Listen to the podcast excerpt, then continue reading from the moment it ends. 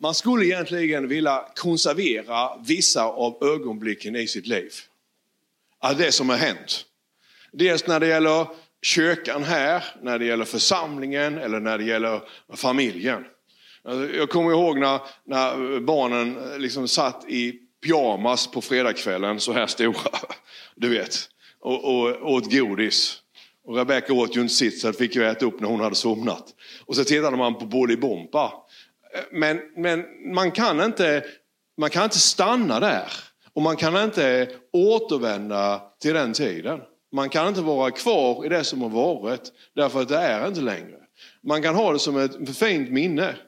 Men eh, man kan inte, kan inte leva och, och liksom med, med, minnet av det som hände för många, många år sedan och önska sig den tiden tillbaka. För då förlorar man kanske det som är idag och det som är nu. Och det är samma sak när det gäller, gäller ditt och mitt liv, eller när det gäller församlingen. Så, så när det gäller vår, så är det, jag tänkte på det, att, att församlingen består ju av människor. Och människor är ju alltid på väg. När jag jobbade som lärare så, så var det ju så att då mellan, då var en, liksom slutet på femman och början på sexan, alltså barnen är ju aldrig detsamma från ena året till nästa, för det händer ju så väldigt mycket. Att vara ungdomspastor är någonting av det svåraste som finns.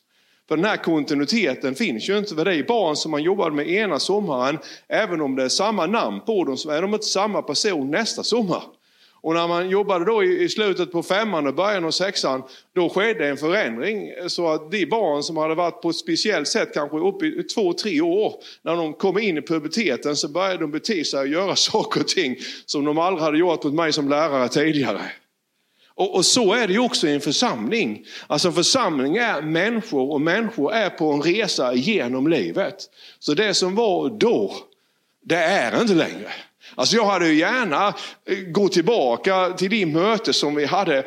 Du vet att det var ju så att vi satt ju ner stolar Överallt satte vi ut stolar. Vi hade stolar också på läktaren. Och det stod människor ute i foajén. Vi tryckte in över 250 människor här. Och det, vet att den atmosfären som var så då, alltså, man, men man kan inte återskapa det. Och vi kan inte fortsätta att prata om hur det var där och då. Därför att den tiden kommer aldrig tillbaka, eller hur? Och sen kom ju dessutom brandskyddsmyndigheten och satte upp en lapp som sa att endast 100 personer får vistas i den här lokalen och 10 i kyrkan. Eller tio på läktaren ja. Så, så hur vi än gör, så, så, så eh, man kan inte konservera det som har varit och man kan inte leva i det förflutna. Och det som jag skriver här, det ska beröra lite grann idag, va? Att, att man får stöka det som är kvar. Och jag ska lyfta fram hur viktig, hur bra du är. Det eller de som lämnat kan vi inte bygga framtiden på. Alltså de pengar som du hade som du förlorat kan du inte bygga framtiden på. Alltså de vänner som, som har lämnat och gör någonting annat nu kan du inte bygga framtiden på. Det hus som du en gång hade men som du sålde kan du inte bygga framtiden på. Alltså det är församlingsmedlemmar som är här men som bor i Stockholm nu. Vi har ju några fantastiska människor som har varit i vår församling som är överallt andra ställen nu och välsignar människor.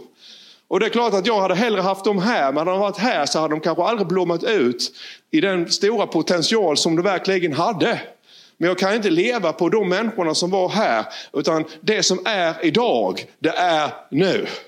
Och man kan alltid tycka att det är häftigare på någon annanstans. Och man kan alltid tycka att det var trevligare på ett sätt när vi tittade på Bolibompa och åt godis. Men idag så är den dag när Gud han frälser. Varje dag så är nåden ny. Och det är det som vi som församling måste på något sätt inse. Att vi är de vi är de som är kvar, det är de som är kvar. Men de som är kvar, de är guld värda. Och det är guld i varje församlingsmedlem. Om de sen är små till växten, om de är långa, om de är magra som skelett eller lite överflödande. Eller om de är smarta eller inte så smarta. Om de har hår på huvudet eller inget hår på huvudet. Alltså vilka de än är, så är det guld i alla människor som vill följa Jesus. Och alla människor som finns i folkkyrkan. Då kan du säga amen till det. Så att, eh, nu ska vi gå vidare och titta här på en text. Det här är en ganska så tuff text. Alltså, för det, det han säger här, Jesus då, han säger stök det som är kvar. Kan du säga det? Stök det som är kvar. Alltså skriv till församlingens ängel i Sardes. Sardes var en plats i Turkiet. Och det här var en av de absolut första församlingarna. Och då är det, då är det Johannes som skriver det här. Men vem är det som talar? För att skriften är, är utandad av den helige ande, men den är nedskriven av människor. Men uppenbarelseboken är lite annorlunda, för det är Jesus som talar. Och det är Johannes som skriver. Och det är alltså Jesus som säger det här till församlingen, så säger han, så säger han som har Guds sju andar och de sju stjärnorna. Jag känner dina gärningar. Du har namnet om dig att du lever, men du är död. Så ska jag vakna upp och håll dig vaken. Och stärk det som är kvar. Och som var nära att dö. Alltså stök det som är kvar och var nära att dö. Så jag har inte funnit att dina gärningar är fullkomliga inför min Gud. Kom därför ihåg vad du har tagit emot och hört. Och håll fast vid det och omvänd dig. Därför om du inte håller dig vaken så ska jag komma som en tjuv. Och du ska inte veta vilken stund jag kommer över dig. Men du har några få i Sardes. Och det fanns några ändå i församlingen. Ni har några få i Sardes som inte har smutsat ner sina kläder. Och de ska vandra tillsammans med mig i vita kläder, ty de är värdiga. Och den som segrar ska alltså bli klädd i vita kläder. Och jag ska aldrig stryka ut hans namn ur livets bok, utan kännas vid hans namn inför min fader och hans änglar. Den som har öron må höra vad anden säger till församlingarna. Alltså det här är ju en, en text till en församling. Och vad Jesus han säger då, det är att se inte på dem som inte är kvar.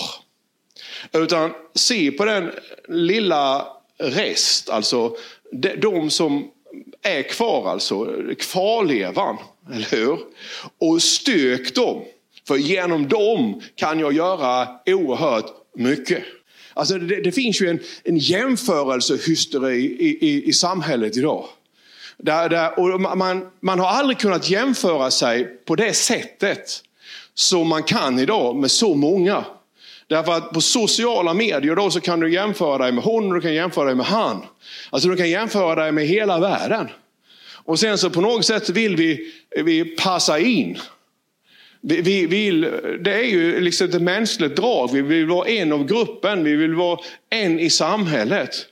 Och när vi då vill, vill passa in och bli allt det som alla andra förväntar oss att vi ska bli. Då finns risken att man tappar bort sig själv. En gång till. Är ni med mig nu? Alltså i jakten på att bli någon som alla andra tycker om. I jakten på att se ut på något sätt som alla andra tycker att man ska se ut. I jakten på att förändra mig själv så att jag passar in utifrån hur alla andra tycker att jag ska vara. Då kanske jag förlorar mig själv. För då blir jag inte den jag är. För några tycker att jag ska vara på det sättet. Några andra tycker att jag ska vara så. Och en tredje grupp tycker att jag ska vara på det sättet. Och när jag tillfredsställer den gruppen där, eller tillfredsställer jag den gruppen. Och helt plötsligt då så, så är det bland en mängd människor. Och så är det på ett speciellt sätt. Och då kan det till och med vara så att de tycker att du är fantastisk. Men på insidan så vet du att det är inte du. De tycker att jag är fantastisk, men det är ju inte jag. För jag är inte på det här sättet.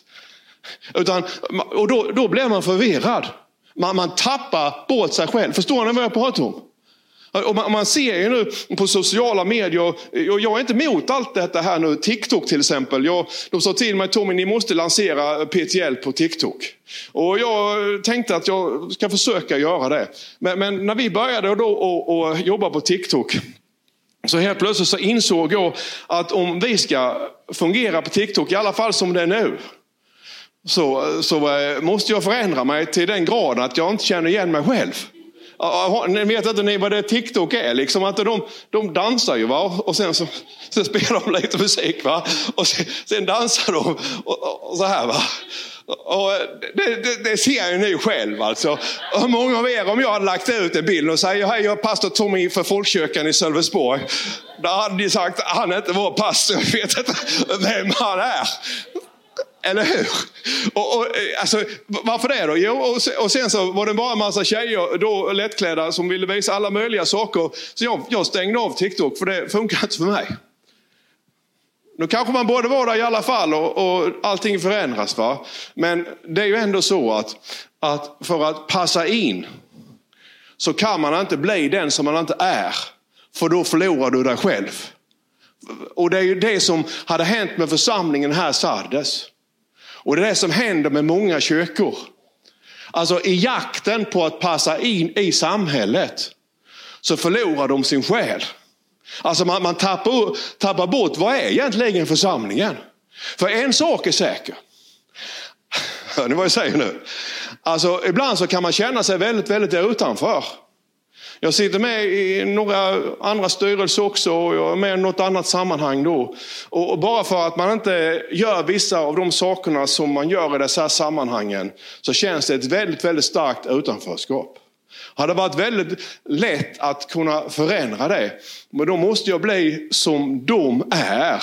För att jag till, full, till, till fullo ska bli accepterad i deras sammanhang. Men om jag då lever ut och lever så som de vill att jag ska vara, fullt ut utifrån deras kulturella normer, då blir jag inte längre Tommy. Då blir jag den gamle Tommy som dog när jag döptes. Alltså, är ni med vad jag säger nu? Och på, på, samma sätt är det ju då med församlingen. Vi säger att vi, vi, vi måste ju närma oss samhället och det är sant. Alltså, vi måste på något sätt, tröskeln måste ner. Så att människor kan våga komma till en kyrka. Det är sant, men samtidigt är det ju så då att när vi sänker tröskeln så får vi inte sänka tröskeln eller förändra kyrkan så mycket så att vi inte längre är en kyrka. Alltså i jakten på att människor ska ta emot Jesus så kan vi inte förändra oss på det sättet att vi, vi tappar bort oss själva och till slut så vet vi inte var vi är. Är vi ett dansband, är vi en motionsförening eller är vi en bönrörelse eller vad är vi egentligen? Samtidigt som man inte får liksom gå över till andra sidan så man blir för extrem. Utan då är det ju på det sättet va? att då får vi hellre vara lite färre. Och så vet vi att vi är Guds rike i Sölvesborg. Vi representerar Jesus. Och sen så kan ju vi människor med, med en helt annan undervisning, vi kan ju lägga till saker och ting som, som är fel. Det är inte det jag säger. Men, men våga vara dig själv. Är du i ett sammanhang och du känner liksom att nu kan jag inte vara Tommy, eller nu kan jag inte vara Pia, eller Pelle, eller Astrid eller vad det nu är. Alltså om de ställer sådana anspråk på dig att du ska förändra dig på det sättet att du blir liksom konfunderad, nu vet jag inte längre vem du är. Lämna det sammanhanget. För att du är den du är. Sen den du är kan alltid utvecklas, det är inte det jag säger. Men du ska vara den som du är. Och Gud han har skapat dig för att vara du och inte någon annan. Kan du säga det? Gud har skapat mig för att jag ska vara den jag är. Och inte någon annan. Amen. Och det var det som hade hänt nu i Sardes. De hade ju anpassat sig, sen hade de anpassat sig, sen hade de anpassat sig. Det stod fortfarande Jesus på dörren, men när Jesus nu steg in så säger han att, ja, de säger att du är levande, men säger han, du är egentligen död. För du har tappat allt det som jag står för. Men det var inte riktigt, riktigt nattsvart i alla fall, för det fanns en grupp människor, halleluja, som det var guld i. De hade gått genom eld och vatten och de fanns kvar. Och då spelar det ingen roll vem man är, hur man ser ut eller vem den än är. Därför att Gud har en fantastisk förmåga att ta det som är kvar, välsigna det och bygga någonting av det. Amen. Okej. Okay. Vi tar nästa, titta nu här. Alltså, vad man fokuserar, alltså fokusera inte på det som har varit, utan på, på det, som, det som har varit, utan fokusera på det som är kvar. Det handlar ju liksom att det som har hänt måste man bearbeta. Men du kan inte bygga framtiden. Alltså på det som inte längre är. Eh, ibland så är det så att, att i en familj, man kanske mister ett barn då. Och det, det är ett trauma. Som det är oerhört viktigt att man, man bearbetar så att de här känslorna får komma upp, att de får komma ut och lägga sig till rätta. Och det kan ta lång tid. Men har du sen tre andra barn så ibland kan det vara så att, att man sörjer och man lever kvar och kan inte släppa det barnet som dog. Så att man försummar och glömmer de tre barnen som man är kvar i livet.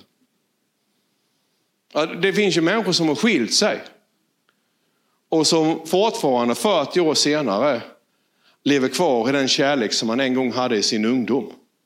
Trots att personen i fråga nu har flera barn, kanske på olika håll. Är ni med mig? Alltså, du, du kan inte bygga, det, bygga framtiden på det som har varit. Du kan inte heller bygga framtiden på det som ska hända framtiden. Utan du kan bygga framtiden på det som är nu och det som du har idag. Tänk på liknelsen om den förlorade sonen. Det var ju så att han gick ju iväg och lämnade hela familjen. Han lämnade jordbruket eller vad det var de hade. Och varje dag så gick pappa ut och spejade och längtade efter sonen. Och han längtade efter sonen. Och han längtade efter sonen. Han längtade efter den sonen som hade gått iväg. Att han glömde att bekräfta och ta hand om den sonen som han hade hemma. Så när väl den förlorade sonen till sist kommer hem. Så blev det konflikt i familjen. Därför att pappan hade bara längtat efter det som var förlorat. Så han såg inte det som var kvar. Alltså har man förlorat pengar så kan man ibland man kan på något sätt gräma sig över det som man har förlorat. Men de pengar som var, de kommer aldrig tillbaka. Det är ju där någonstans ibland som spelmissbruk det, det uppstår. Alltså du satsar 200 spänn och så förlorar du dem och så grämer du dig. Och det snabbaste sättet att vinna tillbaka 200 spänn det är ju att satsa 200 till. Och så förlorar du 400. Och helt plötsligt så har du förlorat 400. Det snabbaste sättet att vinna tillbaka 400 det är att vinna 400 till. Men en spel är inte konstruerat så att vi ska gå med vinst. Utan det är ett nöje och det går ut på att vi ska förlora. Och, man, man grämer sig väldigt, väldigt ofta över det som har varit. Eh, och då är det så många som, som, som då har stannat, stannat upp och sen, så, sen går man under i grämelsen istället för att leva nu och leva idag. Därför att, titta nu här, det som finns kvar, halleluja, det är det som tar dig in i framtiden. Alltså det som vi har idag, det är det som du och jag kan göra någonting åt. Och samtidigt, så här, jag ska ge ett exempel så förstår jag vad jag menar. De som väntar på framtiden, det här, är, det här händer alltså hela tiden i församlingarna och i vårt liv. Alltså församlingen eller privata livet är väldigt lika. Alltså de som väntar på framtiden väntar ofta förgäves och riskerar att undervärdera vad man har nu. Eller hur? Och jag hör det ibland lite grann om folkkyrkan. Alltså efter pandemin då så har ju livet tagit lite olika vägar för några och samtidigt andra har blivit äldre, några har flyttat. Men de som vi var då är vi inte längre. Men de som vi är nu, de är fantastiska. Alltså det, det, det finns guld i de människor som är kvar. De människor som, som vi har i folkkyrkan eller i alla andra församlingar i Sverige idag, de har gått genom eld och vatten. Och trots att det inte, kanske inte alltid är så roligt på gudstjänsterna, trots att det inte alltid liksom är sådär att man vill ge sitt tionde, Trots att man inte alltid vill be på morgonen, trots att man inte alltid har lust att läsa sin bibel, trots att man kanske egentligen ibland skulle vilja göra någonting helt annat, så är man ändå kvar. Eller hur? Och det, det, det är guldet i dig och mig. Och det står ju också i skriften att vi ska alla prövas genom eld. Så att slaggprodukterna då eh, liksom faller av och det som är kvar, det är guldet. alltså alla människor funderar ibland på att, på att lämna. Alltså jag har varit med här vid nu i 33 år och det kommer emellanåt funderar man på om man inte skulle ta personalutgången och böja iväg.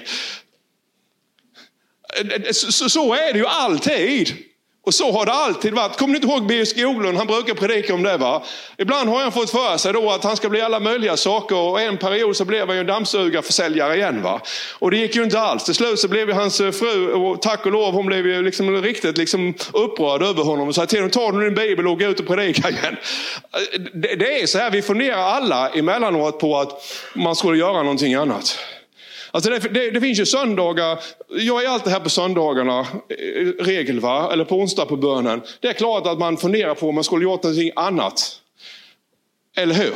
Men det finns någonting, det finns guld, det finns någonting på insidan hos oss som gör att vi ger vårt tionde söndag ut och söndag in. Det finns någonting som att vi går hit här vid en söndag trots att det är 30 grader varmt ute och alla andra gör någonting annat. Det finns någonting som gör, och jag ska förklara vad det är som gör det sedan, för det är egentligen kallelsen från Jesus Kristus i ditt hjärta.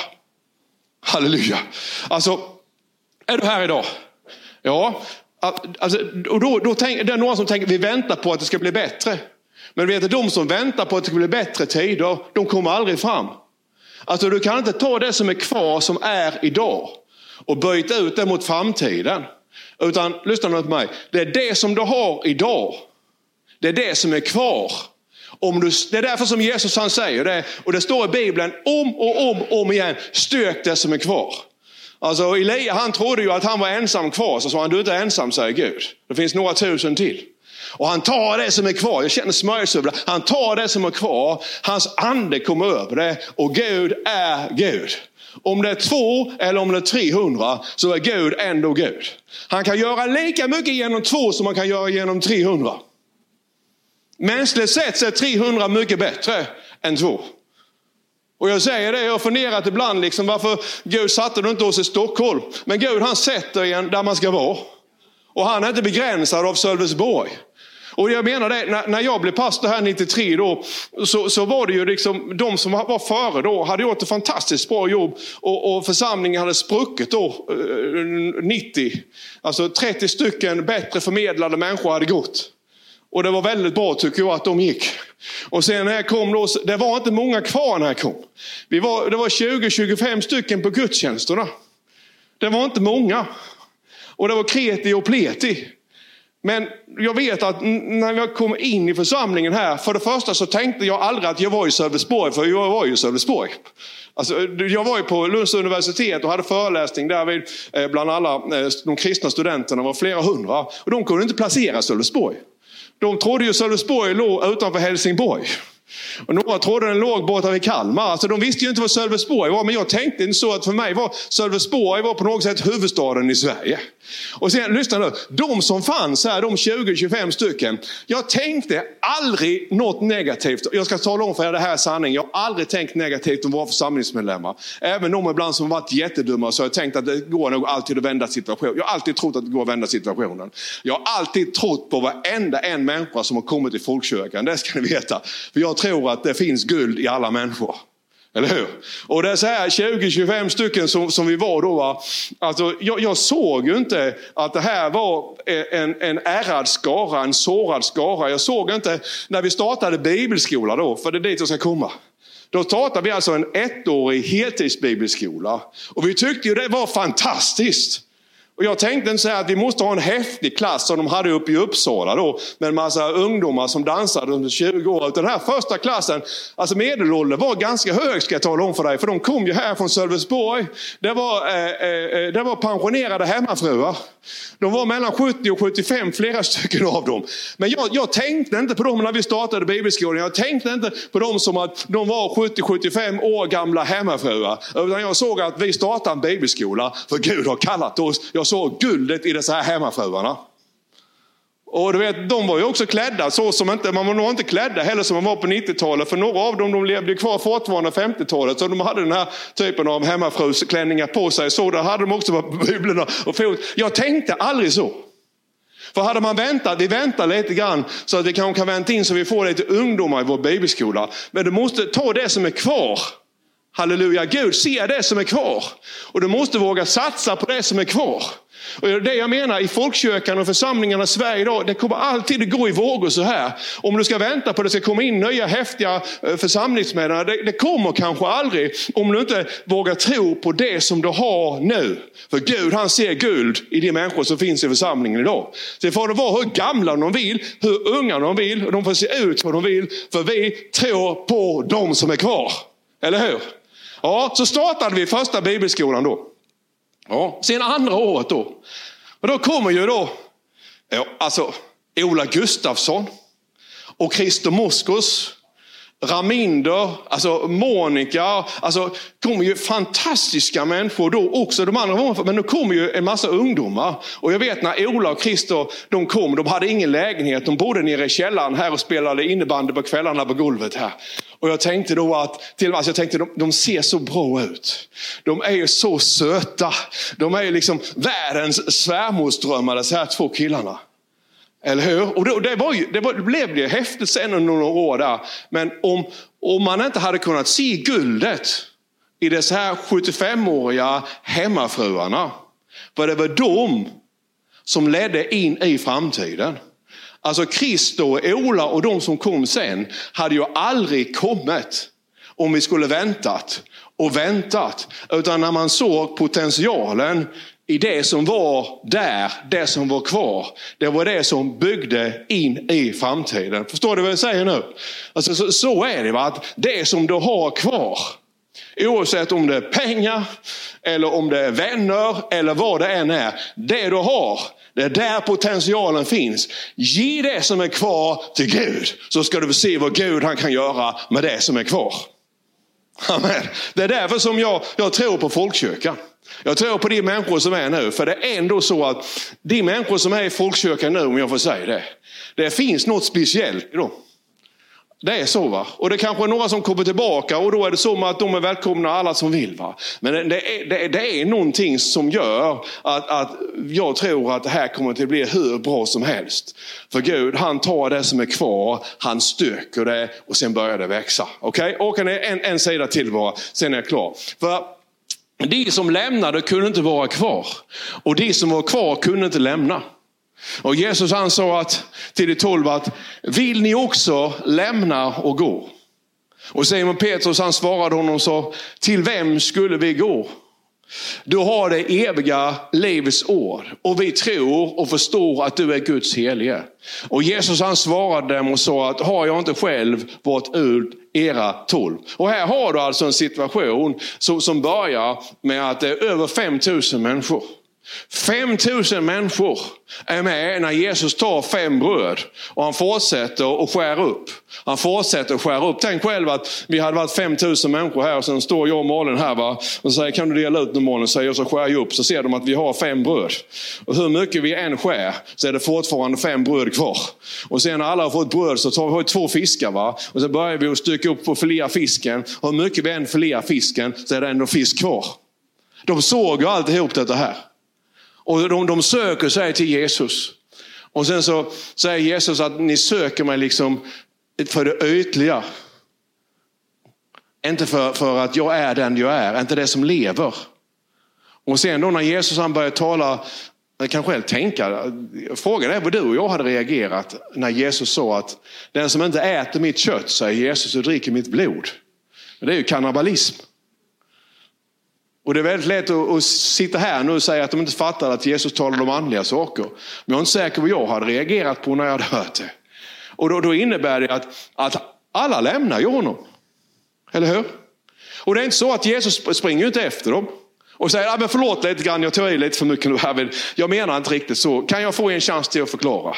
Han sa inte att, nej, ni behöver inte gå nu. Snälla gå nu inte. Alltså, sa jag någonting nu som, som, som eh, stötte dig, alltså jag, jag ber om förlåtelse att jag talar om det här med kött och blod. Jag kunde tagit det på ett annat sätt. Nästa gång så ska vi spela innebandy. Eh, eller hur? Alltså, utan det, det, det är ju så att de som gick, de fick gå. Så har Gud alltid gjort. De som går, de får gå. Över hela världen. Alltså, varför, varför låter Gud människor gå? Nu talar jag inte om vårt sammanhang, utan generellt nu. Jo, därför att Gud respekterar dig och mig så mycket så du får alltid själv göra valet. Jesus han sa att jag har det bästa som finns att ge dig. Jag har det eviga livets ord. Vill ni ha det? Och så gick alla. Och sen vänder han sig om till de andra och så säger han till dem också, så hade jag absolut inte jag gjort. Jag tänkte, nu får jag nog försöka och, och och säga någonting annat här. Annars, annars går resten också, det är bara tolv kvar. Vi kanske, ska vi gå och äta pizza eller någonting? Va? Men så gör han ju inte. Utan han vänder sig om till de tolv och så säger han till dem, ska ni också gå?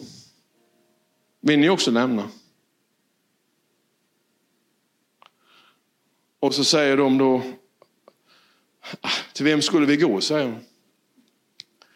Du har det eviga livets ord, eller hur? Och vi tror och förstår att du är Guds helige. Och det är det som jag menar med rubriken. Va? De som lämnade, då kunde inte vara kvar. Men de som var kvar kunde inte lämna. Varför det då? Därför de visste ju vem Jesus var. Och så säger Jesus att, har jag inte själv utvalt er? Amen. Och det är därför som man, man ser i församlingarna över hela världen, så finns det människor som är kvar. De är kvar därför att de är, kan inte lämna. De kan inte lämna därför att de är kallade att Jesus att tjäna där och då i den församling som de är i. Halleluja. Och därför så är det oerhört viktigt i livets alla sammanhang. Vi kan inte bygga på det som har varit. Vi kan lära oss av det, vi kan utvärdera det. Vi kan inte heller vänta på framtiden.